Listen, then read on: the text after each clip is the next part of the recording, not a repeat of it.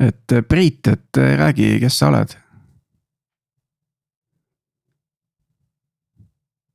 kas see oli see intervjuu küsimus või? jah, kes sa oled? sa ei tea, kes sa oled või? ei, kes sa oled, ma küsin. Priit, mul oli lihtne küsimus, kes sa oled, kas sa oskad vastata või, mis, milles kühvel on? see on äh, väga filosoofiline küsimus. Ma lugesin täna hommikul ühte äh, ühte Facebooki postitust äh, väga sarnasel teemal kusjuures. ja seal käis ka see küsimus läbi, et kus sa oled või kes sa oled. jah, kes sa oled?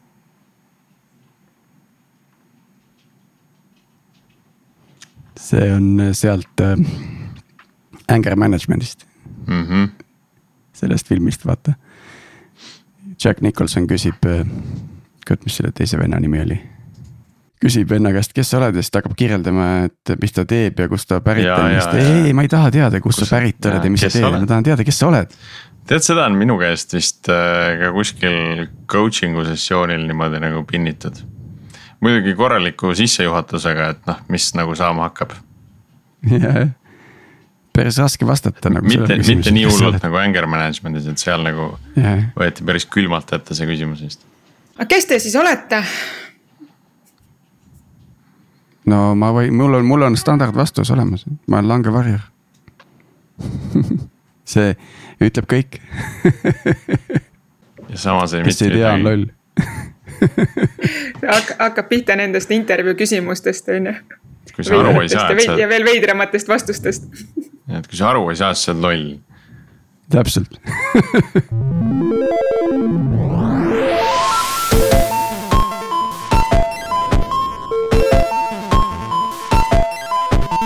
tere taas Algorütmi kuulama, on neljas november ja eetris on meie saja neljas episood. päris hea kokkusattumus, kas pole? Äh, mina olen Priit Liivak Nortalist ja koos minuga on salvestamas taas Tiit Paananen Veriffist. Äh, Tiit, kuidas sul läheb? kuule, pole viga, et äh, eelmisest episoodist pidin minema jooksma torm tahtis paati kaldale tõsta, et saime ikka otsast kinni, et nüüd on kõik jälle hästi. jaa me oleme nüüd vahepeal kaotanud ühe külalise, aga ma loodan, et ta jõuab õige pea tagasi, et ta saaks ka ennast tutvustada et äh, täna hakkame nimelt värbama ja me tahaks siis äh, nagu paljudes saadetes on, me tahaks ka endale sellist äh, plaksutavat koori juurde, eks ole. ja kui, kui nüüd keegi teab, et ta hirmus hästi plaksutab, et siis võib meile neid helisampleid saata, et me siis värbame plaksutajaid episoodi vältel kuulete äh, ka kõiki muid küsimusi, millele peab vastama selleks, et äh, meie episoodi plaksutajaks saada. aga tegelikult äh, räägime, räägime ka värbamisest natuke laiemalt, et meil on täna külas teemat lahkamas Reet Kaurit Talent Hubist, tere Reet. tere. räägi paari lausega ka sellest, et mille, millega sa Talent Hubis tegeled võib-olla mida, mida Talent Hub üleüldiselt teeb, et eks me värbame hommikust õhtuni ja õhtust hommikuni, et äh, järjest intensiivsemalt iga päev. mina isiklikult küll olen nagu see face, kes, kellest peab äh, nii-öelda partner läbi pääsema, et jõuda värbajateni, et äh, mina otseselt nüüd, jah. sa oled selline partnerite värbaja siis? mitte värbaja, vaid ma jah, kind of jah, jah, ma ikka challenge in neid ja mul on neile veidraid küsimusi võib-olla mm. -hmm nii, siis lisakülalisena on meil ka Priit Pääsukene Veriffist, kes äh, on kuskil maantee peal hetkel ja, ja maadleb äh, mobiilsidevõrkudega ähm,. ja tema. mis ta maadleb? no ma ei tea, mis ta teeb seal. küll ta varsti tuleb tagasi, näed. ta on jälle tagasi. nii, Priit, kas sa oled meiega? enne püsis nagu päris hästi ja nüüd, nüüd siis niimoodi vigurdab ja, ja Priit on meiega täna sellepärast, et äh, temal kuuldavasti on päris mitu sellist huvitavat äh, värbamislugu. Äh, ja, ja ma arvan, et need ongi, nendest ongi mõistlik alustada, kuna meil see et ei tea kunagi, kuna, kuidas see äpp jälle käitub ja, äkki me kaotame su taas et, et ole hea, räägi siis, räägi siis sina sellest, et, et mis kogemus sul selle värbamisega on, et miks, miks sa siin täna meile neid lugusid räägid ei, me ainult kuuleme, kuidas äh, Briten lõbustas asjadega. ja siis me kaotasime ta taas. Tiit, kuidas sinul värbamisega on, kas sina ka lõbustad ennast vahepeal äh, värbamisvestluste külastamise või väisamisega? Mul on jah, selline ähm,, kuidas ma siin ütlen, et see ei kõlaks nagu eriti ülbelt. ühesõnaga ma, kui ma tegelen mingi oma endale rakenduse otsimisega, siis ma kõigepealt mõtlen välja, mida ma tahan teha. ja siis ma lähen sellele seda äh, endale saama ja ma saan ka selle iga kord äh,. Et, et selles, tahab küll jah, et äh, nüüd jätkates äh,. et ühesõnaga see see võib-olla on nagu äh, selline taktika, mis iga kord mm, võib-olla see on, ütleme ebakonventsionaalne, et kui ma otsustan, et ma tahan saada äh, Pipedrive'is head of quality engineering uks, siis, siis ma ka selleks saan. ja kui ma otsustan, et ma tahan Veriffis saada VP of engineering uks, siis ma ka selleks saan. et ma ei ole pidanud väga palju äh, nagu käima erinevatel vestlustel, sest see vestlus, millele ma lähen, see saabki olema see vestlus, mida ma, millele, milleks ma olen ette valmistunud ja, ja siis ma selle vestluse ka läbin et, et. aga, aga ma see... siin kaevaks Tiit edasi, et mul, mulle väga ja. meeldib see mõtteviis, aga äh, kuidas sa otsustad, et no sa nüüd seda tahad? no selleks on erinevaid, selleks on erinevaid tehnikaid, et Äh, Sten Tamkivi jagas mulle omal ajal, issand jumal, see oli juba üle kümne aasta tagasi kindlasti, ühte sellist äh, väga nagu noh, triviaalset asja sisuliselt. mis on siis see, et, äh, et sa nagu kujutad ette endale, ennast erinevates rollides, noh näiteks listid sinna. paned nimekirja mingisugune viis-kuus rolli äh, erinevates kohtades ja siis sa äh, sinna maatriksi teise äh, äh, äärde paned siis selle, et mis sulle meeldib teha. Äh, siis mida sa ei taha teha, mida sa tahad rohkem kogeda. ja, ja siis mida sa tahad nagu vähem kogeda, et noh, selline ütleme neli kategooriat asju. et meeldib, ei meeldi, tahaks rohkem, tahaks vähem, noh ei meeldi, aga võin teha, aga tahaks vähem pigem on ju. ja siis, äh, siis sa rate'id neid erinevaid rolle noh, miinus viiest pluss viieni äh, nende küsimuste lõikes, neid on umbes noh, minu puhul on seal listis mingisugune äkki nelikümmend, viiskümmend äh, küsimust. Mm ja siis sa saad selle summaarse tulemuse, mis näitab, et see on see roll, mida sa tahad teha. ja kus sa saad rohkem asju teha, mida sa tahaksid teha ja vähem asju, mida sa ei tahaks teha ja seal on vähem asju, mida sa pead tegema, aga ei taha üldse teha. ja siis, äh, siis äh, sul saad selle mingi summa ja, ja siis sa selle summaga lähed sinna intervjuule ja ja sa oled juba nii hästi selle kõik läbi mõelnud, noh, sa võtad muidugi intervjuule kaasa loomulikult noh, ütleme, mina olen üldiselt nagu. viimased viisteist aastat nagu rohkem sellises juhi ülesannetes olnud, on ju, siis sa võtad siin intervjuule kaasa selle visiooni. kuidas see roll selles ettevõttes hakkab välja nägema. see võib olla noh, selline kolm-neli lehekülge nagu struktureeritud teksti või, või mingid visuaalid juures ja, ja kui sa nagu sellise ettevalmistusega lähed suvalisele intervjuule, siis sa selle töökoha ka saad. Tiit, ma ütlen kohe siia juurde, issand, kuidas ma tahaks, et kõik kandidaadid oleksid sellised nagu sina äh, kui palju tuleb kandidaate, siis sa ütled, et ma tegelikult, ma ise ka päris täpselt, mida ma teha ei saa ja siis see intervjueerija peaks nagu aru saama, et milles see siis inimene hea on ja kuhu ta sobida võiks, et inimene peaks ikka ise selle kodutöö ära tegema. et äh, mida ta teha tahab ja, ja miks ta seda taha, teha tahab ja mis ta tugevused ja nii-öelda võib-olla mitte nii suured tugevused on, et väga hästi ja, ja noh, see on muidugi väga raske äh, tegevus, sellepärast et äh, kui sul on viiskümmend küsimust mille osas sa pead otsustama, kas miinus viis või kuni pluss viis, et. Et, et siis äh, sellega läheb omajagu aega, et äh, see endale läbi, läbi mõelda, et. Äh, seal on nagu oluline vahe on selles, et mida sa, mis on su nii-öelda soovid.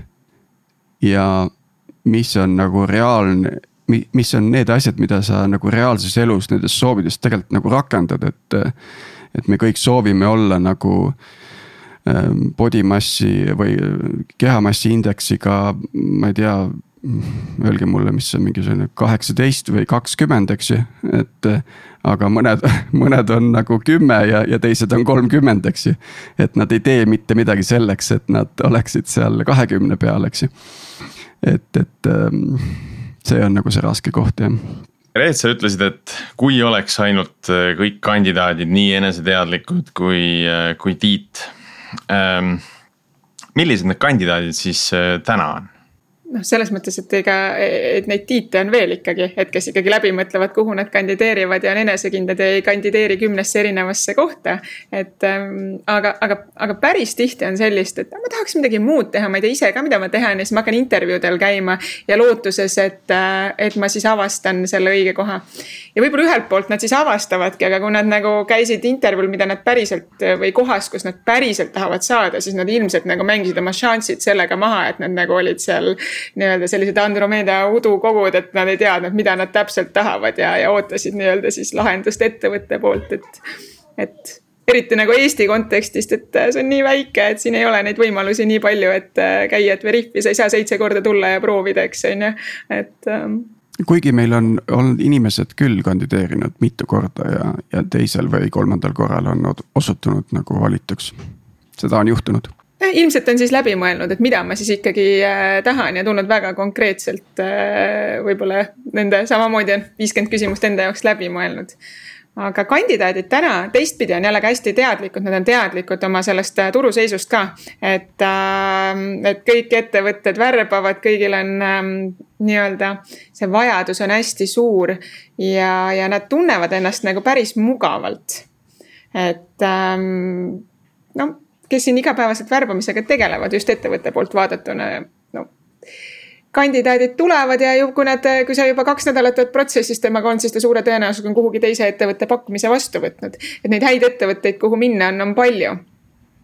et ähm, kandidaadid teavad seda ja on nii-öelda ka sellises mõttes nagu võib-olla natuke nagu ma ei tea, kas see on õige sõna, aga natuke ülbed ausalt öeldes, et, et kui sina mind ei taha, siis äh, ega uks on nagu, neid uksi on mul nii palju, kust sisse astuda. et mm -hmm. seda on palju. Neid on, neid on, sellist suhtumist on olnud nagu igal ajal, et, et kas sa tunned, et, et praegu on kuidagi seda rohkem või nagu juurde tulnud, et mina tean ka äh, noh, aastate-aastate tagusest äh, sedalaadi suhtumist ja, ja ka palganumbri küsimise suhtumist, et noh. on tulnud juunioreid, kes küsivad nagu hirmus kõrget palka ja võib-olla nad kuskile saavadki selle, selle soovi peale, aga noh, see äh, päris nagu turgu ei peegelda jah, selles mõttes küll jah, et noh, minu taust on ka, et ma ikka olen selle värbamisega, et kui ma täna nii-öelda klientidega tegelen võib-olla rohkem, siis värbamisega ma olen ikka omajagu ka tegelenud ja, ja, ja. ja Wise'i aegadel sai, sai neid igasuguseid kandidaate ka siis nähtud. aga ma arvan, et täna on kandidaatidel natukene õigustatud ka see tunne, sest neid ägedaid ettevõtteid on nagu õudselt palju, et võib-olla.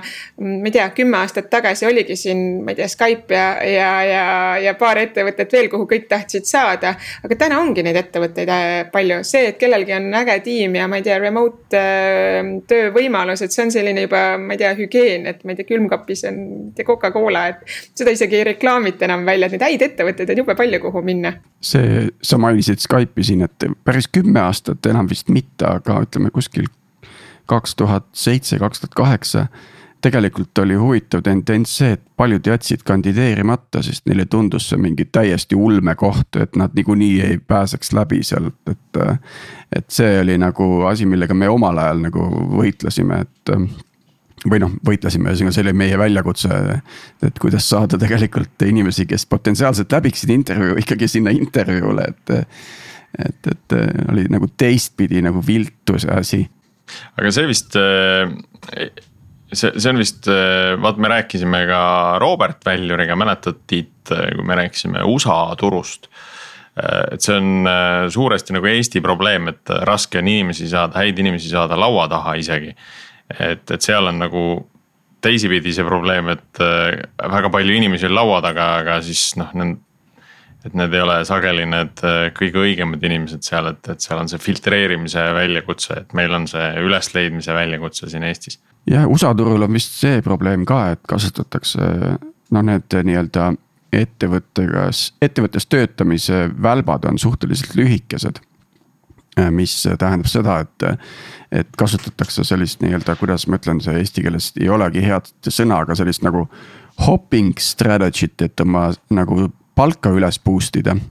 et põhimõtteliselt äh, äh, olen aasta siin, paar aastat seal, kandideerin järgmise taseme rolli äh,. uuele, uuele palgale nii-öelda, et, et kui me siin arvame, et me ütleme, sa liitud mingi positsioonil, mingil hetkel saad promotion'i, su. su tulemus on hea, su palk tõuseb. et see võtab ikkagi aastaid aega, on ju, siis, siis seal on see. Salary hopping on nagu kuidagi nagu selline strateegia, mis tundub, tundub nagu, mida inimesed konkreetselt nagu eesmärgipäraselt teevad, et ähm, ega nad teevad täna seda Eestis ka, seda mm. salary hopping ut just seal, aga no ongi nagu, et Eesti see väiksus on see nagu kumab läbi, ka tööandja ei vaata sellele hästi, kui on siuksed aastased äh, hüpped kogu aeg ja need ei ole nagu põhjendatud. ja eks, eks see, eks see kajab ka läbi tihtipeale sellest palgasoovist ka, mida siis küllaltki julgelt esimese intervjuu lõpus öeldakse. ja, ja, ja selles mõttes ma ütlen, et teised tööandjad ikkagi ei ole selle palgaralliga nagu kindlasti kaasa läinud et äh, muidugi need on, tõusevad, aga, aga päris niimoodi ikkagi ei ole, et rahapakiga paremalt ja vasakult neid äh, nii-öelda üle ostetakse ühesõnaga kandidaatidel ma ei soovita seda salary hopping ut teha, kui te tunnete, et te olete väärt paremat palka, siis minge oma tänase tööandja juurde ja, ja rääkige ja põhjendage, miks, miks teil peaks olema parem palk. jah, ega seal selles mõttes mingit Äh, hõbekuuli või, või secret source'i ei ole, et, et parem, parem palk ikkagi kaasneb suurema vastutuse ja suurema panusega, et. et, et on see siis äh, sinu tegevus äh, tööülesannete kõrvalt ettevõttes, ma ei tea, mentor, mentordad teisi inimesi. noh, me rääkisime, et milline on hea arendaja, et, et see tema, tema mõju defineerib tema nii-öelda panuse, eks ju, ettevõttesse, et, et kui see mõju on nähtav ja, ja pidev. siis, siis ei ole ka ettevõttel mingisugust muret äh, seda palka tõsta. sest sul on väga veenvad argumendid, et mida sa kõike teed, et, et äh, olla ettevõttele väärtuslikum. hea, hea juht tegelikult läheb ja tõstab ise selle palga sul ära, et, äh, et polegi vaja küsida absoluutselt ja no see, see oli hea point, et nagu, et sul peab ikka nagu mingi põhjendus nagu ka olema, et täpselt see vastutus, et see, et, et ma tahan endale, ma ei tea, uut korterit osta või, või, või, või uut liisingut võtta, et ma ei saa muidu pangast äh, seda laenu. et see ei ole nagu tööandja jaoks kohe kindlasti argument, et ma ei soovita sellega kuhugi minna. jah, teine, teine huvitav selline argument, mida on toodud, on see, et oota, et, et sama tööd tegev inimene nagu tiitli mõttes, eks ju, et et temal on nagu umbes kõrgem palk või, või isegi kui tal on mingi teine tiitel, et mul peaks olema ka see kõrgem tiitel. sest ma olen justkui teen nagu samu asju, aga sellega paraku kaasneb see, et, et, et see on nagu suhteliselt halb põhjendus, kus sa nagu üritad seda referentsi kuskilt äh, leida sealt kohast, kus sul täit pilti ei ole ees, et mis selle inimese vastutusala või mõju nagu on, eks ju, et äh, et, et äh, aga ma nüüd äh, tahaksin natukene veel peatuda nendel kandidaatidel, et ähm, me natukene mai-, siin alguses rääkisime sellest, et kandidaatide ettevalmistus kipub olema nagu kõikuv, et ähm, on sul äh, äkki Reet mingisugune kandidaatide välimääraja nagu. et kui sa, kui sa peaksid klassifitseerima nagu täna Eestis toimuvad, et mis tüüpi inimesed nagu vestlustele tulevad, et no ühed, ühed ongi sellised äh, sinu tüüpi Tiit, et äh, kes on nagu väga teadlikult, nad ei rapsi ringi, nad on juba nii-öelda selle eelvaliku ära teinud ja nad lähevad küllaltki kindla peale välja äh,. Nendega on alati kõige, kõige lihtsam. aga nemad leiavad su ise ülesse sisuliselt, eks ju? Nii ja naa nagu selles mõttes, et noh, meie oleme ikka sellised headhunter'id, meie oleme ära ikkagi kaardistanud enda jaoks äh, inimesed, me teame, mida, mis neile huvi pakub, mis valdkond, mis challenge'e me pakume täpselt seda neile, mida neile, mida nad ootavad. ja need kandidaadid on ka need, et kui sa ei tea, mida nad tahavad, sa pakud midagi suvalist, siis nad ei vastagi mitte midagi, sest see ei ole nende jaoks, nad ei raiska aega. aga kui sa tead mis see täpselt neil ähm, puudu on, siis nad ka vastavad, siis nad tulevad ja ongi need õiged nii-öelda siis on kindlasti noh, need ühed tüübid, kes nagu ei tea ise ka, mis nad tahavad ja, ja, ja nii-öelda ähm, õpivad iseennast tundma läbi intervjuu protsessi. Nendega on muidugi kõige mm -hmm. keerulisem, sest nad tavaliselt oskavad kõike teha või on valmis kõike tegema, aga, aga, aga noh, ühesõnaga nad ei tea, mida nad tahavad. siis on ähm, kandidaadid, kes tahavad palka tõsta äh,. täpselt see, et ühelt poolt, et siis hüpata järgmisse kohta, saada kõrgemat tasu ja teiselt poolt siis nii-öelda saada mingisugune pakkumine kätte, millega siis minna oma tööandja juurde. et, et see ettevõte pakkus mulle nüüd nii palju, ma hakkan põhimõtteliselt minema. aga ta ei plaanigi kunagi sinna ettevõttesse minna, vaid tegelikult tahab oma tööandja juurest kõrgemat äh, palka saada ja siis noh, need on võib-olla see üks, üks klassifikatsioon, aga siis ma nagu teistpidi paneks ka, et on väga enesekindlad kandidaadid ja, ja kes äh, nii-öelda võib-olla hindavad kohati oma võimeid üle või oskavad ennast müüa paremini ja, ja siis on teised, kes on võib-olla siuksed nii-öelda klassikalised eestlase tüüpi nagu, et kes on nagu väga head, mida nad teevad, aga nad ennast absoluutselt müüa ei osta, ei oska. et ähm, ja, ja kui nad omavahel nagu panna hindama nagu nii-öelda iseennast, et, et siis see, kellel see madal enesehinnang ütleb, et ma olen sihuke noh, tubli kuus või seitse kümne palli süsteemis ja, ja siis see enesekindel, kellel oskused on poole vähem kui sellel eelmisel tema nagu no üheksa, no pigem kümme ikkagi, et ma põhimõtteliselt juba ikkagi teen, et, et äh, sealt ka nagu aru saada, et kumb on kumb ja, ja kuidas siis neid kuusi aidata või noh, nende teadmised siis kätte saada intervjuu protsessis eks siin muidugi erand kinnitab reeglit, et tõenäoliselt on ka neid inimesi, kes hindavad oma oskusi kõrgelt ja neil on õigus. no need, kes on võib-olla selle analüüsi ära teinud, eks on ju, mhm. viiekümnele küsimusele, nad teavad täpselt, kus nad asetsevad, et, et, et need tüübid on kindlasti nagu, nagu seal Mm -hmm. aga samas Tiit, see on, see on väga nagu isiksuses ka kinni, kui, kui palju seda noh, ma ei taha öelda enesekindlust, see on mingi teine omadus seal, et äh, ta võib teada, et tal on õigus, aga ta ei ütleks kunagi seda välja mm. -hmm. et, et selline tagasihoidlikkus on võib-olla see, äh, see, see isikuomadus, millest äh, vahel on nagu raske läbi tungida, et tegelikult inimesel need oskused on olemas, aga ta ei pea neid märkimisväärseteks, et ära mainida isegi, et see on sihuke normaalne ju, kõik on sellised ju mm. -hmm okei okay,, aga Reet, meil on nagu igipõline dilemma vaata, ettevõte ju, ju palkab, palkab inimest, eks ju. ütleme, me, me oleme vähemalt otsustanud, et palkame inimest ja loomulikult tema produktiivsus vähemalt alguses on otseses sõltuvuses tema oskustega, mis tal on, eks ju, aga kui me palkame õppimisvõimelisi inimesi, siis küll ta need oskused omandab, eks ju. noh, jah oskused peavad olema, aga palgates suhtumist, mitte oskusi, sul on tõenäoliselt nagu rohkem võimalik saavutada lõpuks selle inimesega koostöös. aga nüüd, kuidas siis teha, et kas, kas panna see hiring manager'i intervjuu nagu sinna ette, et see inimene ära valideerida ja siis minna nagu test task'ide ja, ja mingite whiteboarding ute ja, ja tehniliste intervjuude juurde.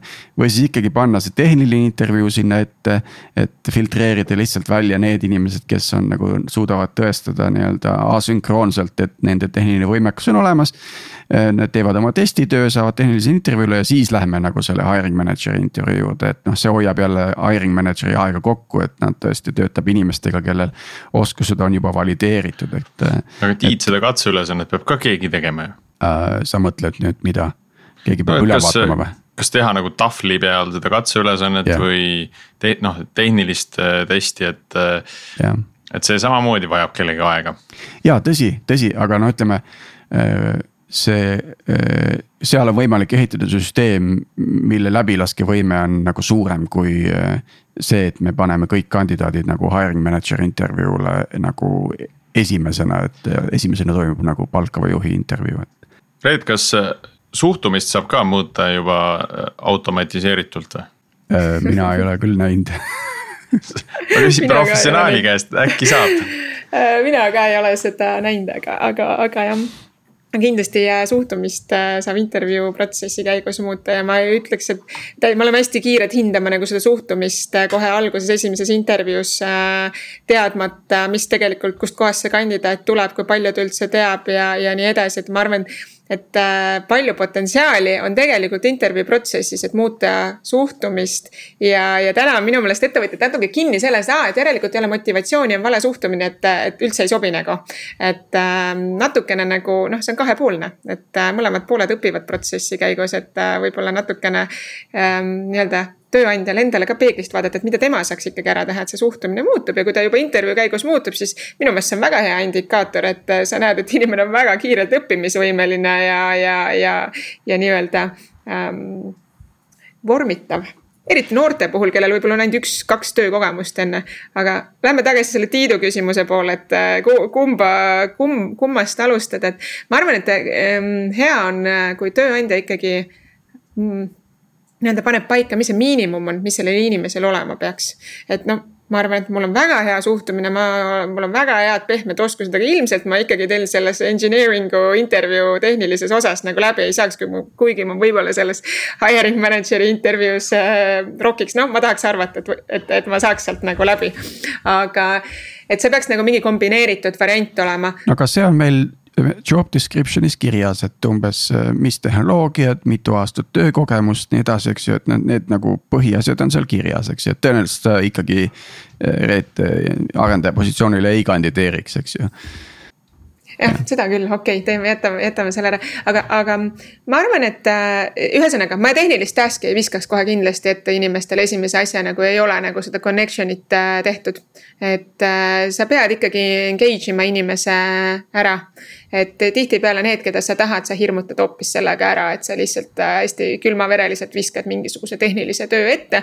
mis on tihtipeale väga aeganõudev ja sa kunagi ei tea, mis sealt nagu saama peab et äh, võib-olla hiring manager, kes on äh, reaalselt ähm, äh, ise arendaja ja kelle aeg on kallis, mitte et värbaja aeg ei oleks kallis. aga ma arvan, sellise esimese nii-öelda äh, suhtumise ja, ja selle osa, et kas ta nagu nii-öelda ettevõttes sobiks, et selle saab ikkagi valideerida kolmekümne minutilise kõnega. mis ei ole mm -hmm. väga aeganõudev. aga mida, vaatame nüüd seda teist poolt ka, et mida kandidaat saaks selleks teha, et tema, tema väärtused ja põhimõtted sellel vestlusel või ka selle kolmekümne minutilise kõne käigus kõige paremini välja paistaksid? No eelkõige noh, selles mõttes, et see ei ole nagu, et kui sul on palju oskusi, et siis sa ei pea ette valmistama, aga kandidaat peaks eelkõige läbi mõtlema, miks see ettevõte ja miks see roll, et et mis, mis on see, mis teda kõnetab üldse selles rollis ja ettevõttes, et ta on teadlik, kes need inimesed seal töötavad, et ta, ta on oma nii-öelda kodutöö ära teinud. et tal on küsimusi äh,, tal on mõtteid ja ta teab, mis on tema nõrkused ka selles osas, et, et okei okay,, et äh, nõutud on, ma ei tea, viis aastat kogemust, aga mul on kolm, aga see on väga hea. et äh, seda, et peab olema valmis nagu sellele vastama ja ideaalist ma saadaks selle juba kaaskirjaga kaasa. et ma nagu adresseerin, ma oskan analüüsida, ma saan aru, et mul võib-olla need oskused ei ole nii tugevad, aga ma trumpan üle hoopis selle teise ja kolmandaga ja. ja nii-öelda seda suhtumist esimesest nagu kontaktist nagu välja näidata et see, see, mida sina soovitad praegu on, äh, on juba see, et kandideerimisel anda osa infot ära. Äh, selle kohta, kes ma olen, mida ma tahan, mida ma otsin. Äh, ja, ja seeläbi siis võib-olla efektiivsemalt seda, seda protsessi alustada absoluutselt, et äh, kui, kui on nagu väga kindel soov veel saada sellesse ettevõttesse, mitte lihtsalt nagu vaadata, mis saab. et kas noh, kui, nad võtavad ühendust, siis lähen, on ju. aga kui on kindel soov, ma tahan Veriffi tööle saada, siis on, äh, ma arvan, väga mõistlik on nagu see kodutöö ära teha. ei ma ei tea, ideaalis, ma mõtlen kandidaadi poolt vaadata, ideaalis ma vaataks, äkki mul on mõni tuttav selles ettevõttes, ma uurin, kuidas see töö seal käib, noh. kõik see kodutöö, kas mul tegelikult ise ära valideerida, kas mulle tundub, et, et, et mulle meeldiks seal töötada, et ma saaksin seal hakkama. mis tugevused mul on selleks ja siis ka kirja panna ja see, see tuttavate väljatoomine, see on minu arust äh, väga oluline asi, et, et me sageli küsime intervjuul seda, et noh, et kas kedagi Nortalist tead ka või äh, on, on sul siin mõni tuttav sõber ees. ja siis tuleb nagu mingi viis-kuus nime, aga noh, enne seda nad kuskilt ei tule selle peale, et. Äh, et nad räägiks sellest, et neil on juba mingisugune sissevaade sellesse, et milline on see ettevõtte kultuur, millised need inimesed siin on. et neil on mingi kontakt olemas aga et ja vahel tuleb see hästi üllatusena.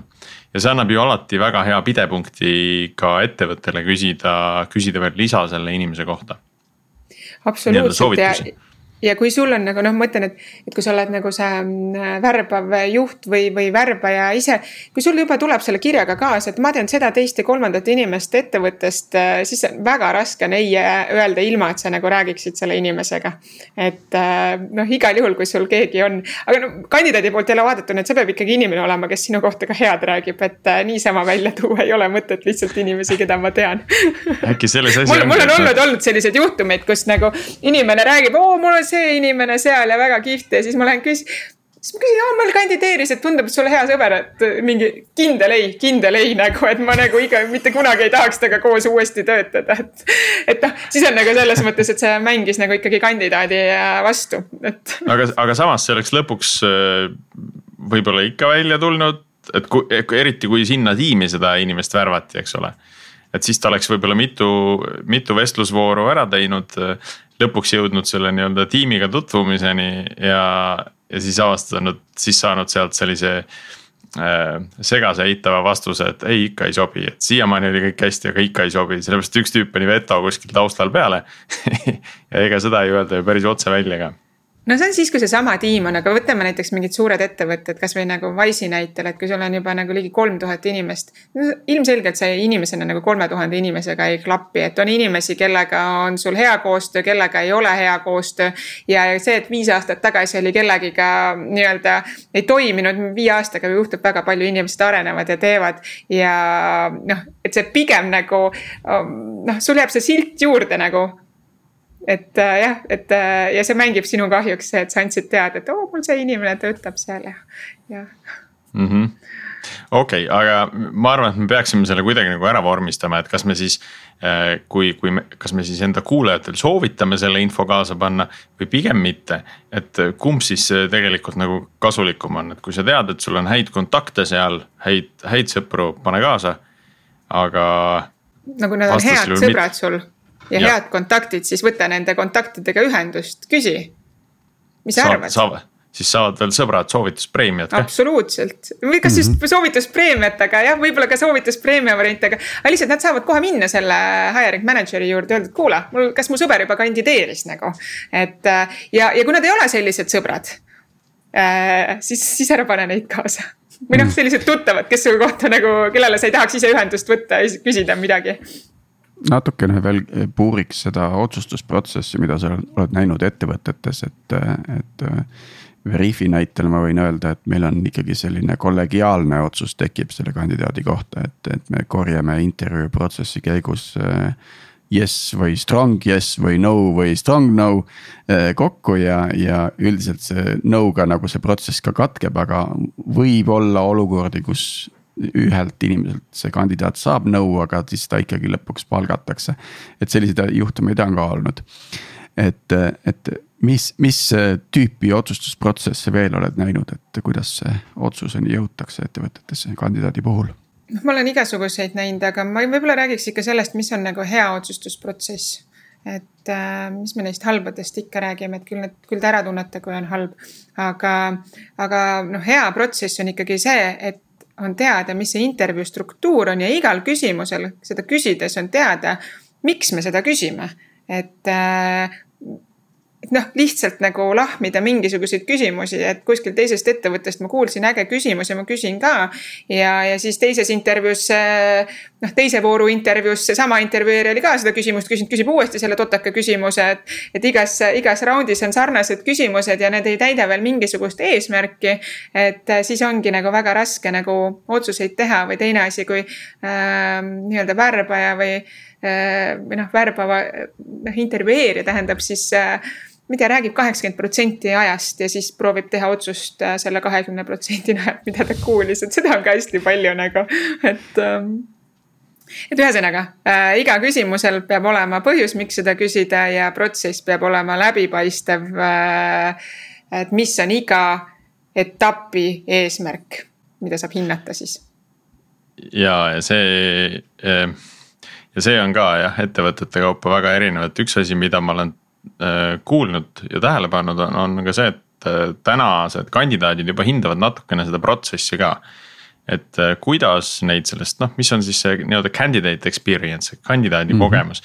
et kuidas neid sellest läbi viiakse, milliseid küsimusi küsitakse, et jällegi siin hommikul lugesin lugu, kus kandidaadi käest küsiti, et kas sa võrkpalli ka mängid. kandidaat vastas, et noh, et mis see siia puutub, et mis see sellesse töö, töösse puutub, et meil on võrkpallitiim, on ju. et, et ühelt poolt ma saan nagu ettevõttest ja tiimist aru, et äh, kui on ühiseid huvisid, on kergem tiimi ehitada. on äh, noh, juba mingi põhi laotud, on ju. aga samal ajal see, see kandidaat võttis seda kui, kui äärmiselt äh, negatiivset kogemust siis värbamise mõttes, et tema käest küsiti selline täiesti jabur küsimus. ja, ja tema ei, ei pea seda väärtuseks, et, et sarnaste huvidega lihtsam tiimi ehitada, et see ei ole üldse oluline tema jaoks ja ta ei läinudki sinna tööle. lõpuks, et, et see, et seda hinnatakse nagu üha rohkem ja rohkem jaa, aga see minu meelest, kasvõi see oli hea näide nagu sellest küsimusest, et, et, et tegelik noh, nii-öelda minu jaoks nagu halvast küsimusest, et ma saan ka sellest aru, jah, iseenesest on lihtsam, aga kui sa pärast teed otsust, et sul on kaks kandidaati. ja, ja, ja sa kipud valima seda, kes siis võrk. üks mängib võrkpalli ja teine mitte, et ega selle pealt nagu otsust ei tee just ja, ja tihtipeale sa oled juba nii biased sellest, et nüüd tema mängib ja sa juba kujutad ette, kuidas tiimis ja sa juba uurisid, kui hästi ta mängib, et see loob nii palju väärtust. ja, ja võib-olla tema nii-öelda kehvemad nii-öelda siis ähm, päriselt tööalased oskused, mida sa tegelikult selle intervjuu käigus hindama pidid, mõjutavad seda, et ähm, noh, vist jõuame vaikselt sinna nagu veidrate küsimuste juurde ka, et, et ähm, väga tihti nagu noh, enamasti, kes intervjuusid teevad, ei ole oma põhitöölt ju intervjueeritavad ja nad on nagu, nad on nagu väga vähe teadlikud sellest, et nad äh, väga kergesti mõjutatavad ja nii-öelda on biased nagu nendest vastustest, mida nad siis saavad, et täpselt see võrkpall või. või, või ma ei tea, mingi jalkameeskond, kelle noh, noh nice äh, nagu small talk, et eilne, eile õhtul oli jalkamäng on ju näiteks mingi MM-i mäng on ju, kelle mm -hmm. poolt olid aa, ma olin Portugali, aa, ma olin Hispaania nagu okei okay,, on ju. noh, intervjuu juba läheb nagu täiesti valest nagu kohast nagu ja, ja intervjueerija ega kandidaat tegelikult ei teadvusta, et miks see nagu rappa hakkas minema. aga kui võtta nüüd sellised äh, keerulised, ütle, nimetame need keerulisteks küsimusteks äh, et nad on selle eesmärgiga siiski esitatud, et nad oleksid keerulised küsimused, nad ei pruugi olla kindlasti head küsimused äh, et kuidas kandidaadil võib-olla nagu hea nendele vastata oleks, et või kuidas nendest nagu põigelda mööda oleks või mida ta siis tegema peaks, tõuseb püsti, ütleb, et see on loll küsimus, ma lähen minema see on nii raske, sest kandidaat on tegelikult nagu nii haavatavas seisus seal, et, et isegi kui sa saad aru, et on nagu nii halb küsimus. ma nagu alustan võib-olla nagu sihukesest klassikalistemast, kasvõi see, et noh, ei tohi küsida seda, et ma ei tea, mitu last sul on või, või kas sul plaanid lapsi saada, no seda ei tohi küsida. aga nüüd, kuidas ma siis nagu reageerin, kui ma seda ütlen nüüd ilusasti, eks on ju, et see, et seda küsimust ei ole.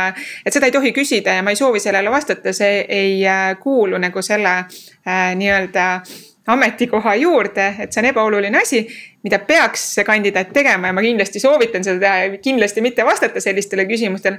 aga sa juba paned ennast nagu nii-öelda kehvemasse seisu, sest et äh, see juht kohe mõtleb, ah, temaga on raske koos töötada, juba räägib intervjuul vastu, on ju, et kuidas me siit üldse edasi läheme. noh, selles mõttes ma kandidaadi puhul mõtlen nagu, et äh, no kas üldse on see ettevõte, kus sa siis tegelikult töötada tahad, kui selline suhtumine on, et, et sinu võit ühesõnaga, et kui sa edasi ei saa. aga, aga ühesõnaga, et aga kui on nüüd nagu sihuke nagu pehmem küsimus ehk no ma ei tea, mis kokteil sa oleksid, on ju, näiteks.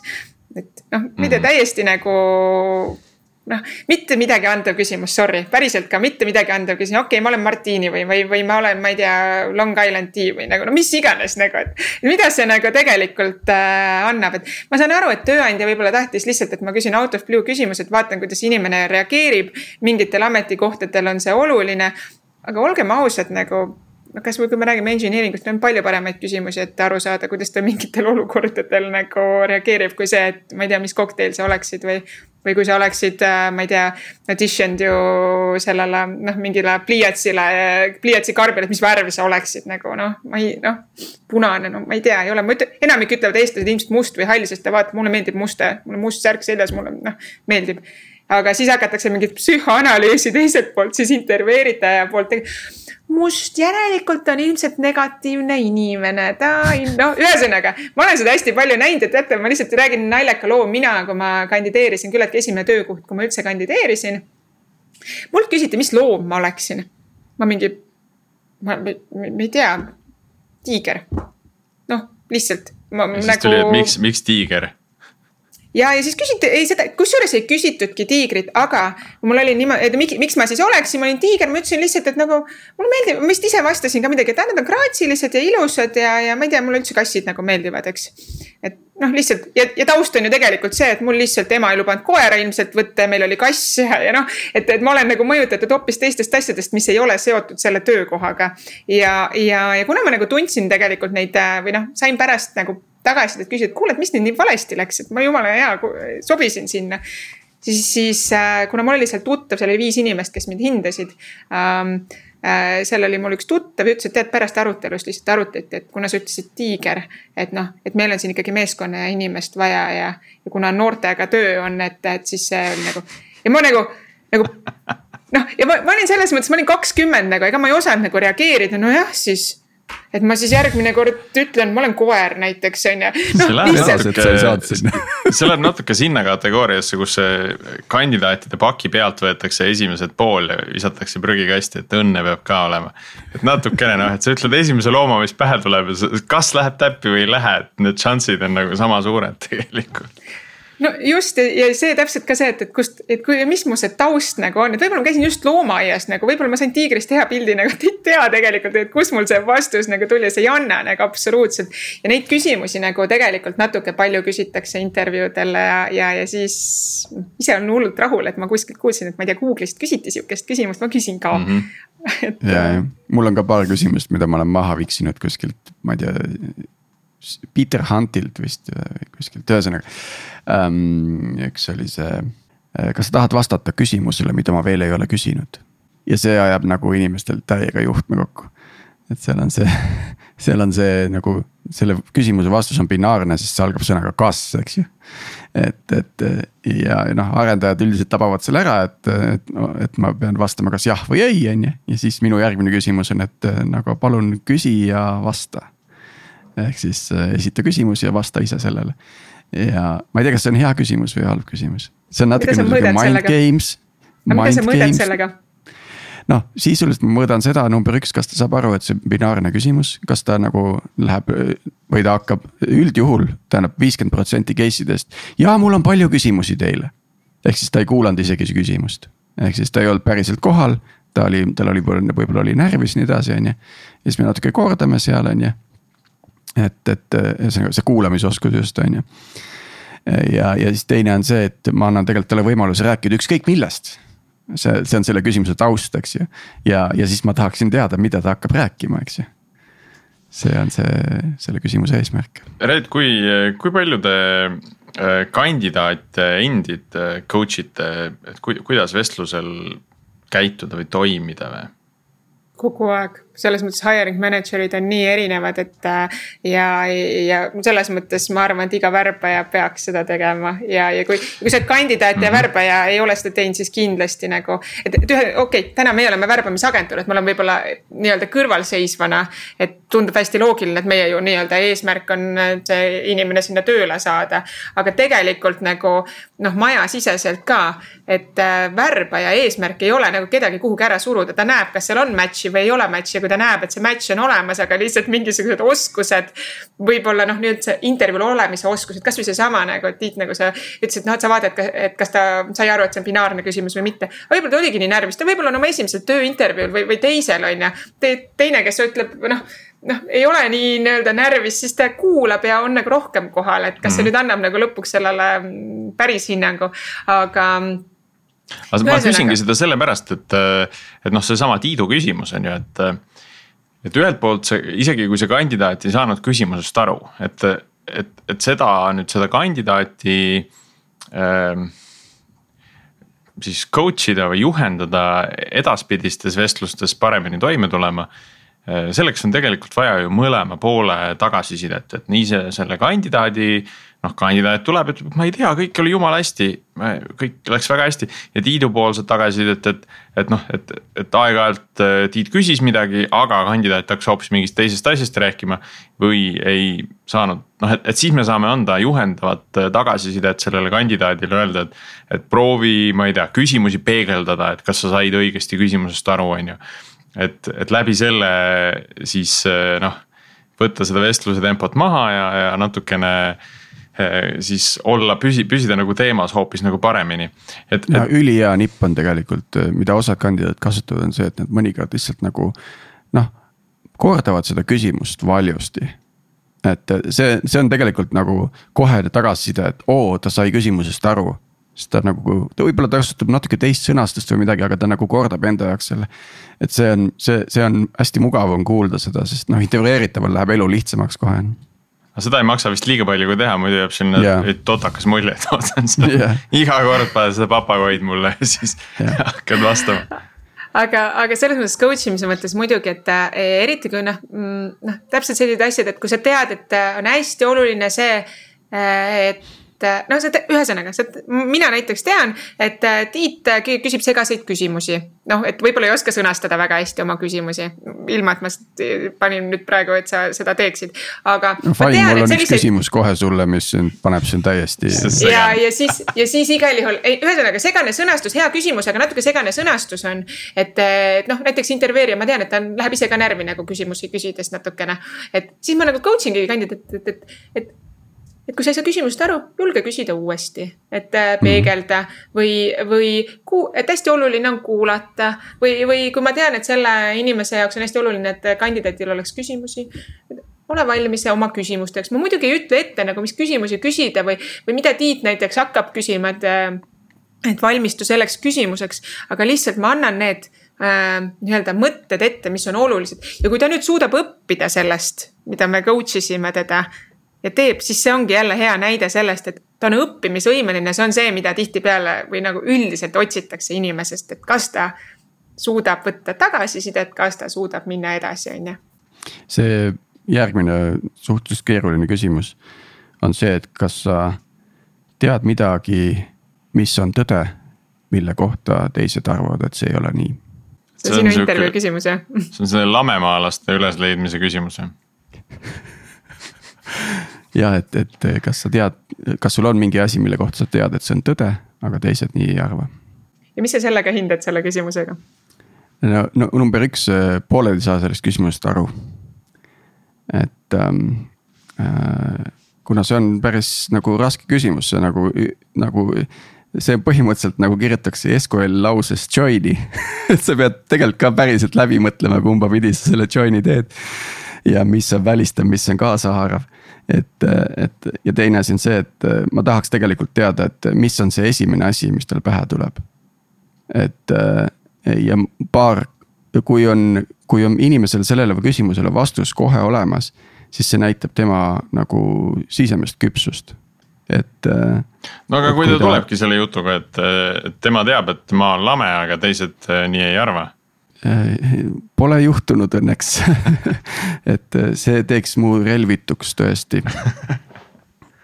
et. Ähm, näe, nüüd me saime väikse. aga mis see sisemine, ma, ma ikka nagu, ma endiselt ei arva, et see nagu äh, oleks väga hea küsimus, sorry. tõesti mm, -hmm. et, et lihtsalt see, et, et too võib-olla mõni näide, mis siis on nagu hea vastus olnud. ja mis siis on nagu halb vastus ja. olnud, lihtsalt äh, päris palju on just selliseid vastuseid, et ma usun, et, et. et mingi asi, mingisugune mingi, mingi, mingi mõjutav tegur on, mille kohta me ei tea ja nii edasi, ma noh, siis tegelikult paljudele, paljude jaoks on see usk, eks ju, et või noh, mingi kõrgema võimu olemasolu kui selline, eks ju. aga mm, et üks huvitavamaid vastuseid praegu tuleb meelde, ma olin täiesti nagu, nagu ähm,. relvitu? ma olin täiesti relvitu selle vastuse ees, oli, oli vist, oli vist midagi sellist, et, et ta usub, et äh, väga paljud inimesed ei realiseeri oma potentsiaali. kuigi nad arvavad, et, et nad ei ole tegelikult võimelised millekski, et, äh, et see oli nagu see koht, kus äh, kus ma olin temaga täiega nõus, number üks aga, aga et ta on nagu ja, ja see oli tema jaoks tähtis, sest ta üritas sellest keskkonnast eemale saada, kus inimesed ei realiseeri oma potentsiaali ja siis tal oli nagu selle vastus olemas. kas ta töötab täna sellel, kas ta sai tööle sellele positsioonile? Äh, ma nüüd ei mäleta täpselt, aga see oli minu arust üks äh, kutt Indiast ja võib-olla ta on see, kes meile varsti tuleb tööle. ja kas see küsimus võis olla see? ei, äh, meil otsustus, otsustusprotsess on ikkagi kollegiaalne, et et selles mõttes see, see nagu näitas lihtsalt selle inimese nagu äh, mõtteküpsust. aga mina, ma ikkagi. selleks ei ole võimalik mõne... nagu ette valmistada ja, aga inimesed on just, nüüd on nüüd see, et, et kui sa pead nagu intervjuul rääkima iseendast ja nendest asjadest, mida sa teha oskad, mida sa oled teinud nii-öelda. siis sa tead neid asju, aga nüüd on inimesed väga erinevad tüüpid, ühed inimesed on need, kes nagu küsid, kohe ütleb teine inimene, noh nagu ilmselt koosolekutel või miitingutel ka, et mõni inimene räägib kohe kaasa, tal on nii palju häid mõtteid, teine istub vait. see ei tähenda seda, et tal ei ole neid mõtteid, vaid ta tahab nii-öelda magada nende peal ja siis ta tuleb. et äh, ja kas ta nüüd on sellepärast nüüd vähem küps, sest et tema nagu äh, isiksuse omadus on see, et ta suudab nagu kiirelt mõelda ja kaasa rääkida või see, et ta tahab nagu, ma see seitse korda, ma ei tea, mõõdan ja siis ühe korra lõikan, et. ja, et ähm, tal on sellele küsimusele vastamiseks on kogu maailma aeg, et äh, ma pärast seda rohkem midagi ei ütle, et nojah, aga kogu maailma aeg, aga kas, kui sa oled intervjuul vaikuse moment on kõige piinlikum hetk üldse, eks on ju, nii, ma olen ja. nüüd liiga kaua vait, järelikult ta arvab, et ma olen loll, ta ei tea, ühesõnaga see mõte läheb hoopis teisele poole nagu. et ma ei, ma ikka nagu. inimene, kui on küps inimene, siis ta kannab selle välja, eh, ehk siis äh, äh,. Ta... mis rolli on küpset inimest vaja, juhi rollile on see siis või? Tõenäoliselt on juhi rollil, aga on ka ütleme, senior taseme arendaja peab olema nagu inimene, keda nagu väga lihtsalt rööpast välja ei löö, et. kui ta, vaikus on ka küsimus, et äh, paus on, on oluline. Ma juba Mine... kujutan ette vestlust, mis intervjuud, intervjuud, mis koosneb ainult sellistest hulludest küsimustest, see oleks nagu äärmiselt põnev kogemus oleks läbi teha, et aga ma ühesõnaga ütleme nii, et ma jään ikka enda juurde, et mulle sellised küsimused ei meeldi, ma ei soovita neid küsida, aga nüüd kui kandidaat, et no kui sa oledki nagu Tiiduga intervjuul ja ta neid küsib neid küsimusi ja tuleb muudkui juurde ja. ühesõnaga ma, ma nagu soovitan kandidaadil nagu valmistuda nendeks guugeldada lihtsalt, mis küsimused on üldse olemas. nagu natuke, just need inimesed, kes võib-olla kohe ei ütle nagu, vaid tahavad nagu mõelda. et ma arvan, et ka väga küpsed inimesed nagu lihtsalt, nad ei taha lihtsalt öelda nagu tihtipeale lihtsalt midagi, mis neile sülg suhu toob nagu esimesena mõttena, vaid nad tahavadki nagu mõelda. kes on nüüd väga küpsed, ta julgeb nagu võtta selle aja sellel intervjuul, kes on nagu seal vahepeal, aga ilmselt ikkagi sobiv. Ehm, see võib-olla ei ütle midagi, läheb närvi natuke rohkem sellest, aga lihtsalt nagu mõelda intervjuule minnes, millisena ma tahan näida et äh, ma tahan näida näiteks enesekindlana, ma tahan näida arukana, ma tahan, noh, ühesõnaga enda jaoks välja mõelda, milline ma tahan olla sellel intervjuul ja nii-öelda valmistuda natuke psühholoogiliselt ennast ette, et sellised küsimused siis nagu ükskõik, mis küsimus sealt ei tule. et siis ma nagu suudan jääda nii-öelda iseendaks ja, ja ikkagi midagi vastata, et äh, niikuinii kõikideks maailma küsimusteks ei saa ette valmistuda mulle meeldib see, see ettevalmistuse mõte ka Äh, ka laiemalt, et, äh, et mitte siis ainult mõelda nagu küsimuste peale, aga kui, kui endale mingil kujul vormistada seda, et, et mis mind seal vestlusel ootab. Äh, mis on kõige hullem, mis juhtuda saab. mis on kõige parem, mis juhtuda saab, ma ei tea, mis, mida ilmselt noh, üritada siis panna ennast värbaja positsioonile, et mida ilmselt see värbaja minust otsib või minult ootab et lihtsalt äh, ka need aspektid läbi mõelda, et äh, ja aru saada, et mis on need. Äh, millise, ma ei tea, millise meeleseisundiga see teine inimene tõenäoliselt on, et noh.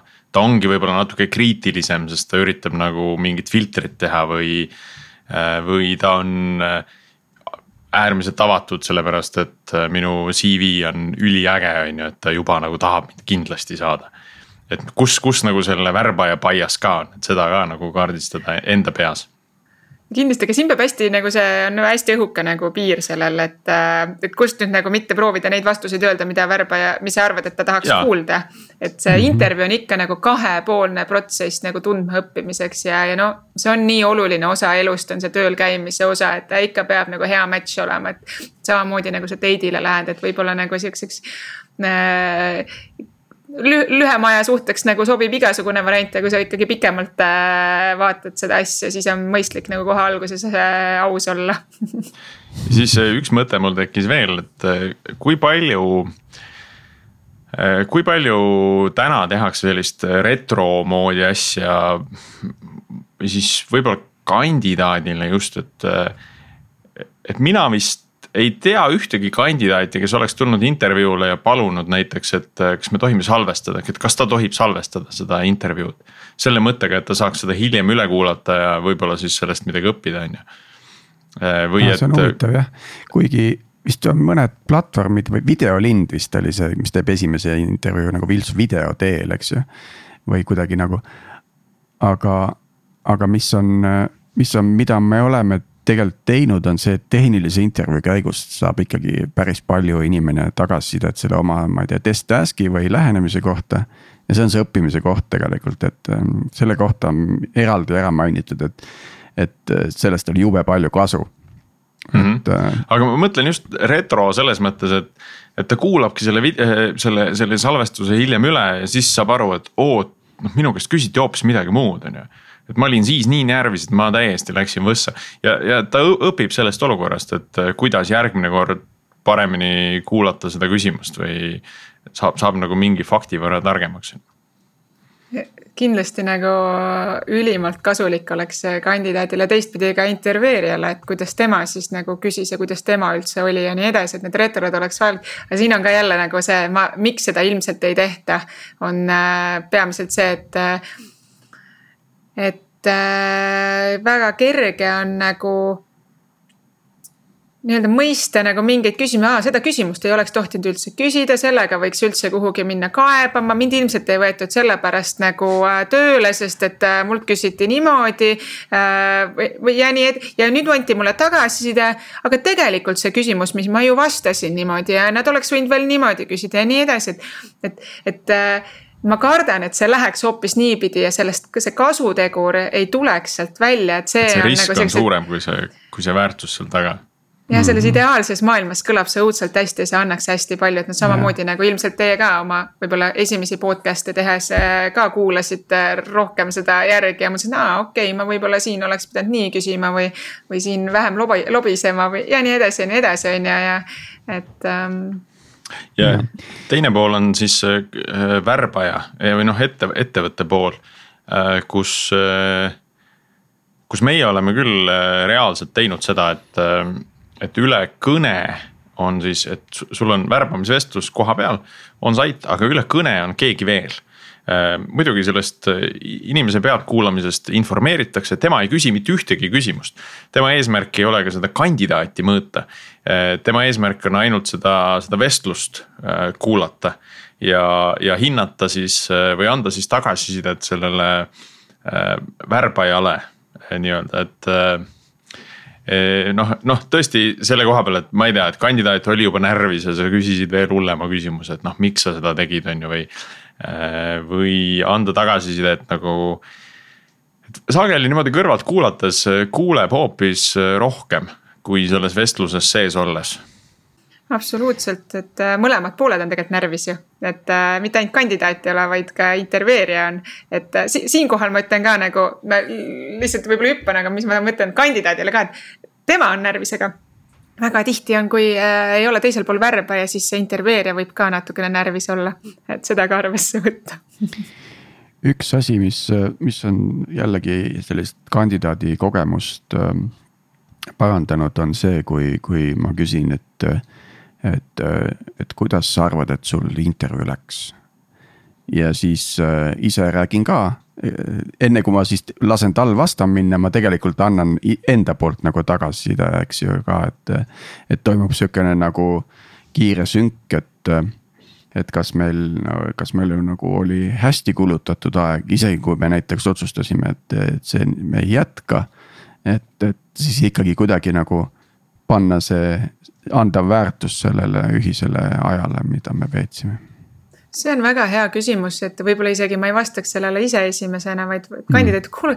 teate, ma tegelikult see küsimus, mis ma vastasin, ma tahtsin tegelikult üldse hoopis sellist asja öelda, sealt tuleb nagu tihtipeale võib hoopis nagu parem vestlus välja areneda yeah.. aga, ja kandidaatidel ma soovitan vastu ka küsida, miks mitte ise intervjuu lõpus küsida, et, et ähm, kuidas mul kuidas läks nagu julgelt nagu, et mm -hmm. sest suure tõenäosusega, eriti kui see on nagu esimene intervjuu pool, sa ei pruugi mitte mingisugust tagasi saada. võib-olla sihuke lakooni, lihtsalt küllaltki lakooniline email, et sa ei osutunud valituks, et aitäh kandideerimast, et äh, mm. -hmm. no vot, sellepärast äh, ma peangi siin oluliseks sellist nagu retro momenti ka, et äh, et isegi kui seal ei ole seda helisalvestust, mida siis erinevatel põhjustel on võib-olla raske saada Äh, et, et see retro hetk tuleks nagu ikkagi ära teha, et läbi mõelda, et mis ta siis küsis, mis ma siis vastasin. Äh, mida nad otsisid, kus minul võis need, võisid need erinevused olla, on ju, et. et kui seda tagasisidet seal nii-öelda otse välja pole öeldud, siis sellest on muidugi kahju, aga. Äh, aga mingil kujul selle retro saaks igal juhul ära teha, siis analüüsi ma teen nüüd kiire retro sellest saatest, et äh, minu take away on see, et äh, meil on küll palju küsimusi, intervjuu küsimusi Confluence'is ja nad jagatud nagu teemade kaupa kuidagi ära. aga mis on puudu nende küsimuste juures, on see, et miks me just seda küsimust küsime. et, et see hinnang on võib-olla sealt puudu, et tasub hakata üle vaatama seda nimekirja mõelge jah, tõesti, miks te seda küsite ja, ja, ja, ja, ja kas see üldse on vajalik ja alustada võib-olla sellest, et, et keda te otsite, on ju. et mis kohad seal nagu et ja mis küsimused võiksid olla parimad selleks üldse, tihtipeale alustatakse nagu valest kohast. olemas, see on tegelikult olemas, õnneks süsteem toetab seda ka, et meil on see greenhouse'is on see intervjuu paneel, eks ju, kus on need mm -hmm. nagu. erinevad valdkonnad, mida peab valideerima ja siis notes'e juurde kirjutama, et ühe korra veel ütlen siia lõppu veel, et kandidaat võib küsida ka julgelt nagu äh,, mis on intervjuu eesmärk. et, et ta teab ka, et kas ta nüüd tuleb siis tehniline intervjuu või tuleb see mingi ähm, noh, nii-öelda tiimi sobivuse intervjuu, ta natuke teab ka valmistada, mida temast hindama hakatakse. et äh, julgelt seda küsida, sest tihtipeale ei anta teada seda, et mis saama hakkab. päris huvitav oleks äh, saada teada, et tuleb stressiintervjuu ja siis et nagu minna, olla seal ukse taga, oodata, et no ma nüüd. stressitaluvuse test. nüüd, nüüd lähen sinna. kedagi ei tule kõnesse esimesed viis minutit kas te päriselt teete neid äh, stressiintervjuusid? ei tee, ei tee. väga hea. aga sest ma hindan teid kui tööandjana väga-väga kõrgelt nagu, et ei tee, aga noh, see on äh, tead, tead vahel see, see on, mida ma olen näinud, et kui vestlusele kaasata mõni äh, vähem kogenud äh, spetsialist, noh, kes ei ole nagu vestlustel käinud nii palju. Äh, et, et siis aeg-ajalt see vestlus nagu läheb oluliselt pingelisemaks mingites kohtades. et sellepärast ongi oluline, et, et seal on alati kaasas keegi, kes selle hoo jälle maha saab võtta ja, ja mingi hetk võib-olla ma ei tea, mingi tagasisidestamise vooru keset intervjuud teeb, on ju, et selle nagu äh, pinge maha tagasi kruvib, on ju, et äh, et ka tehnilistes teemades see vestlus võib nagu päris tuliseks minna. noh, aga miks sa nii ei teinud? noh, et, et see küsimus ei ole iseenesest nagu midagi halba, aga kuna nende inimeste vahel ei ole head kontakti äh,, siis see, siis see tekitab nagu sellist äh, pinget, on ju. ja üks asi veel, kuidas pinget maha võtta intervjuu käigus on see, et nagu et sa nagu jagad nagu, et okei okay,, need nüüd me su varasema kogemuse oleme nagu läbi käinud, et noh, ta teab, et. tõmbad oh, joone vahele nii-öelda. see on nagu sellega on nüüd korras, et lähme nüüd edasi siia, on ju. ja nüüd on sellega korras, et siis tal nagu, ah no väga hea, et noh, siis ma rohkem sealt ei urgitseta, et võtab nats pinget maha ma ei taha veel võib-olla tööandjatele ka, et, et äh, kui te saate küsimusele kehva vastuse, siis mõelge see ka üle, et kas küsimus oli üldse nagu hästi küsitud ka, et väga tihti algab pihta sellest, et küsimus on kehvasti küsitud või, või kodune töö on kehvasti püstitatud ja siis sa saadki siuksed poolkõvad asjad nagu tagasi. mõtled, et kandidaat ei saanud hakkama, aga tegelikult nagu oli hoopis nagu koer maetud mujale. ja alati tasub enne eh, peeglisse vaadata nii-öelda. nõndaks, nüüd siis oleme üles leidnud ka, ka Priit Pääsukese, kes on maabunud oma sihtkohta. ja, ja saame tagasi tulla nende lugude juurde ehk siis sa hakkasid rääkima sellest, kuidas sa, sa mingid aastad tagasi käisid erinevatel intervjuudel ja, ja mis, mis kõik siis sai? jah, kõigepealt jah, kui, kui tööga otsida, et, et, et kuidas Saksamaale sisse sulanduda, et siis sai käidud ja, ja tutvutud, et mida turul pakkuda on ja, ja, ja jah, oma üle kümne ah, intervjuu said nagu sa käisid turgu sondeerimas läbi tööintervjuude siis? põhimõtteliselt jah, et ja, ja sai nagu väga palju huvitavaid ja, ja eriilmelisi firmasid äh, nähtud ja, ja minu arust see, kuidas öelda, tööintervjuul käimine intervjueeritava jaoks äh, annab päris palju juurde.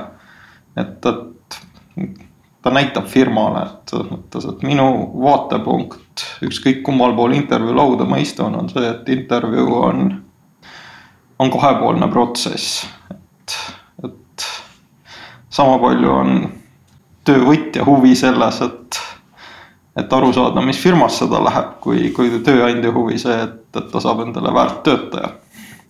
nii, aga kui sa nüüd seal Saksamaal äh, neid intekaid mööda käisid, äh, mis siis on Saksas teistmoodi?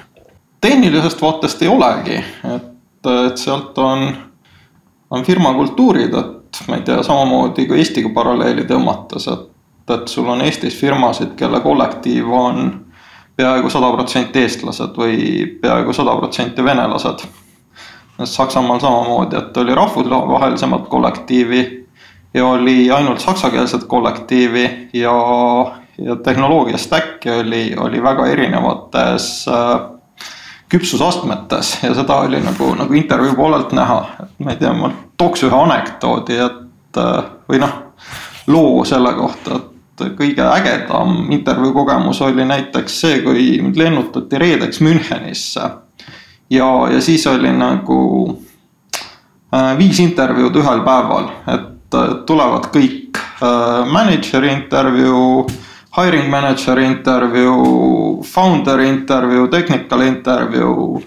sealt tulistad viis sellist neljakümne viie minutist sessiooni järjest ja, ja see oli tegelikult nagu päris kurnav, aga, aga teiselt poolt ka päris huvitav protsess.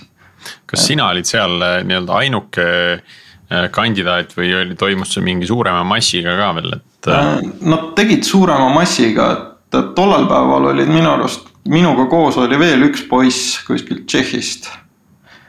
aga jah, nad olid nagu rohkem ka mm. -hmm. ja, ja, ja päeva lõpus oli selline noh asutuse sees nagu kokkuvõte, et, et kellele mis meeldis, kellele ei meeldinud ja, ja see oli sihuke mm,, kuidas öelda. Nad pidid, värbajad pidid nagu konsensuse leidma, et kui keegi oli vastu millegipärast, siis, siis kandidaat ei läbinud aga äh, kui nüüd äh, vaadata tagasi nendele äh, noh, ka erinevatele vestlustele, et see võib olla nii tehniline kui mittetehniline. kas, kas seal oli ka sellist, et me siin episoodis rääkisime sellisest nagu stressi intervjuust, et kuidas see ei ole nagu hea, et aga kas. kas seal rakendati sellist komponenti või, või küsiti küsimusi stiilis, et ma ei tea, mitu akent on Chicagos on ju noh, et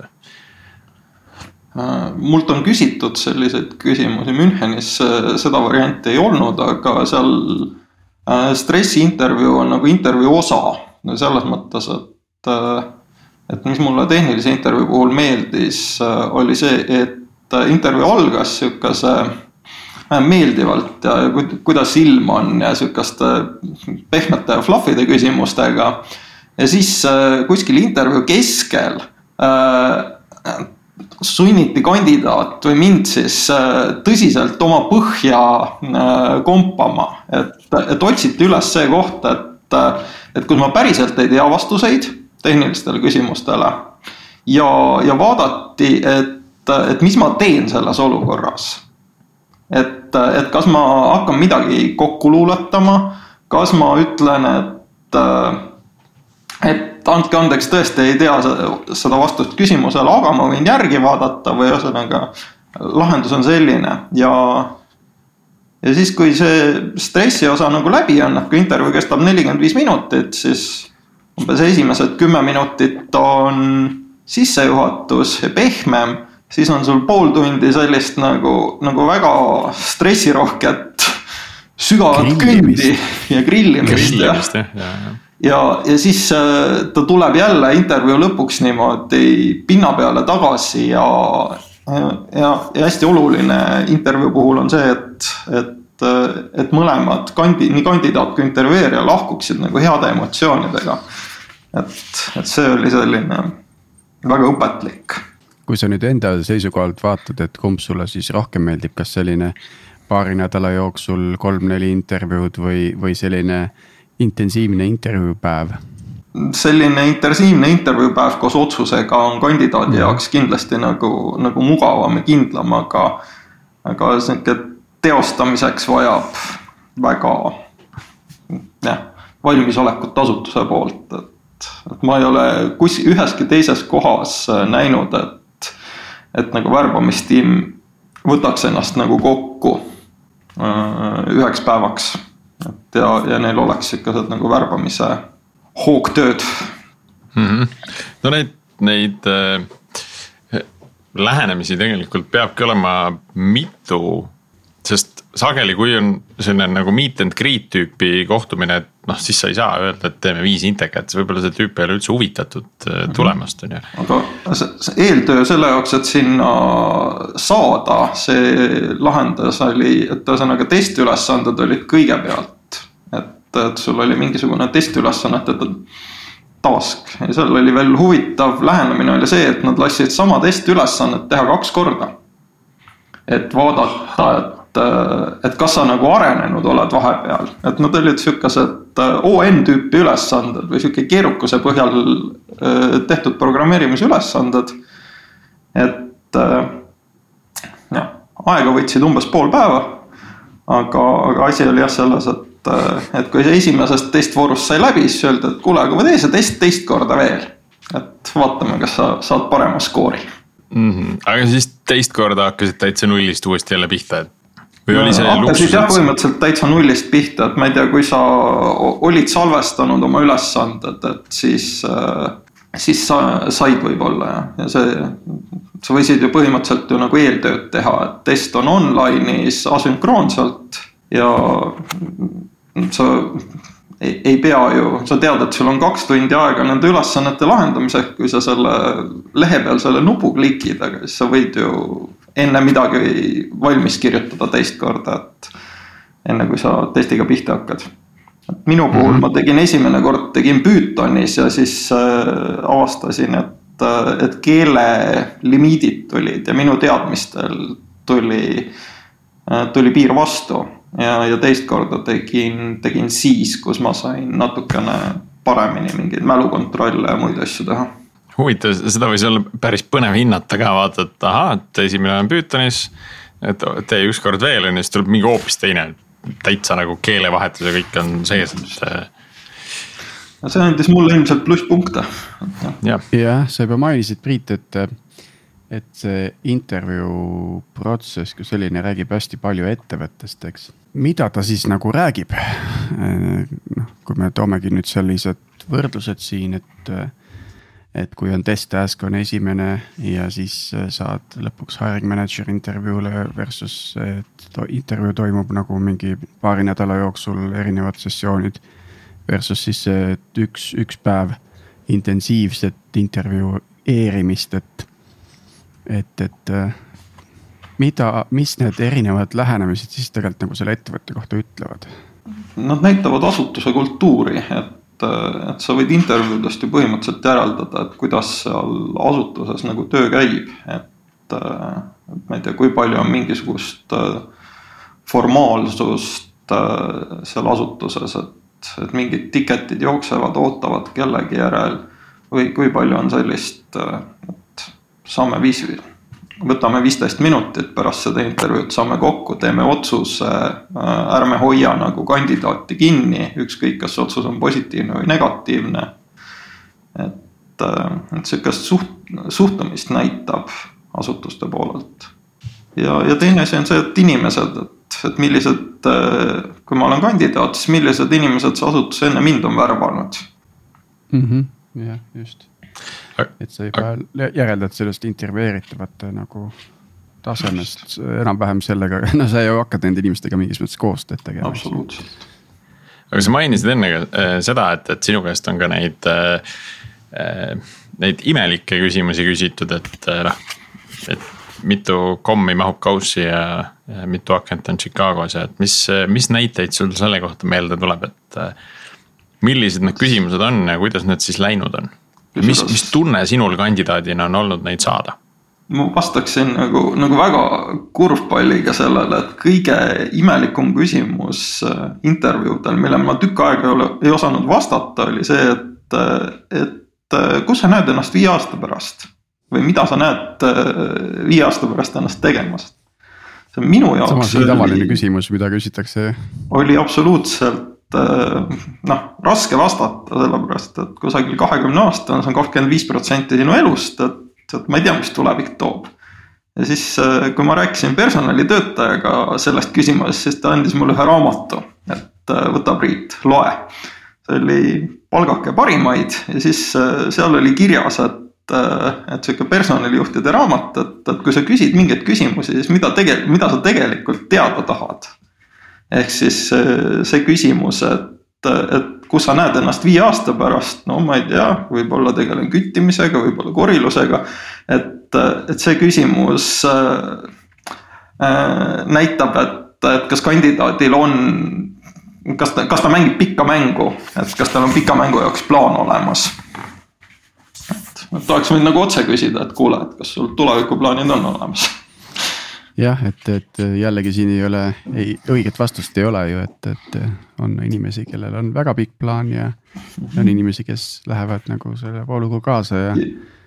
ja see sõltub ka, ka rollist, et kuhu palgatakse, et võib-olla mõni, mõne rolli jaoks sul pika plaani omamine äh, tuleb kahjuks, et, et kui sul tahetakse mingisugust automehaanikut ja, ja automehaanik ütleb intervjuul, et kuule, et mul on selline plaan, et ma tahan kahe aasta pärast firma juhiks saada, siis. ühelt poolt on väga hea ja motiveeritud, aga teiselt poolt firma vaatab, et kuule, et mul, ma ei taha vist äkki kahe aasta pärast järgmist intervjuud korraldama hakata, et, et mul, mul oleks viis aastat seda automehaanikut vaja mingeid äkki kurioossemaid, kurioossemaid näiteid ka, et kus siis nagu oled on kas sind ära ehmatatud või, või, või ähm, ühesõnaga, kas on midagi põnevat juhtunud nende intervjuude käigus, mis sa siis sel korral tegid? kurioossed näited olid äh, sellised, et äh, sihuke äh, jällegi mitte küll terve päev intervjuusid, aga sihuke õhtu intervjuusid, et mitu intervjuud järjest, et intervjuud lõppesid maja tutvustusega ja siis äh, näidati äh, maja, et siin on meil insenerid ja, ja siin on DevOps ja, või, või süsteemi, süsteemi administraatorid ja siis ma vaatan, et ahah, et Nagios on punane ja. ja, ja intsidendi lahendamine parasjagu käib, et siis oli jah, okei okay, arusaamine, et, et ei ole see see, see reaalsus, mis nagu, nagu intervjuu käigus maaliti ei olnud nagu, nagu see maturity ettevõttes, mis mm. -hmm. et sulle müüdi nagu ilusat pilti ja, ja siis. selle kohta on neid meemesid hästi palju, et äh, kus on äh, Godzilla ja, ja siis King Kong võitlevad, et see on see, mida sulle maalitakse sellel Intekal ja siis äh, reaalsus on see, et äh, kaks dinosauruse kostüümis nagu inimest on põhimõtteliselt osad intervjuud on nagu liiga kerged olnud või selles mõttes, et. Äh, et kui sa saad kokku, äh, küsitakse sult midagi, et noh, et koodi kirjutada oskan, jah, oskan, okei okay,, väga hea äh,. seda check. keelt oskad, jah, oskan, check on ju. ja kui siis pärast sellist intervjuud öeldakse, et noh, kuule. tule tööle, siis mõtled, et ei, tegelikult vist ei taha sellisesse kohta, et jah. ja teine on, et äh, intervjueeritava vaatest, et, et kus see positsioon on, et, et kui väga mul on vajadus seda töökohta vahetada, et, et kas ma, jah, kas mul on mingisugune surve või ma otsin lihtsalt nagu mingit paremat kohta, et, et oli aastaid tagasi üks artikkel, mis kirjutas, et, et kõige kuidas öelda, parema karjääri sa saad siis, kui sa umbes iga kahe aasta tagant otsid endale uue koha. ka huvitav arvamus. see on jah, väga huvitav. noh, natukene läheb selle kokku, millega me varem rääkisime ka, selle salary hopping ja. ja, ja, ja siis selle jah, et see. no see sõltub. iga uus koht on. ka sellest kultuurist nagu, ju, nagu keskkonnast, et äh, USA-s tehakse seda väga palju Eestis on pigem see, et kui sa leiad endale kollektiivi, mis, mis sinuga sobib ja, ja ärimudel, mis sinuga sobib, siis jumala eest nagu sõida sellega nii kaua, kuni, kuni annab.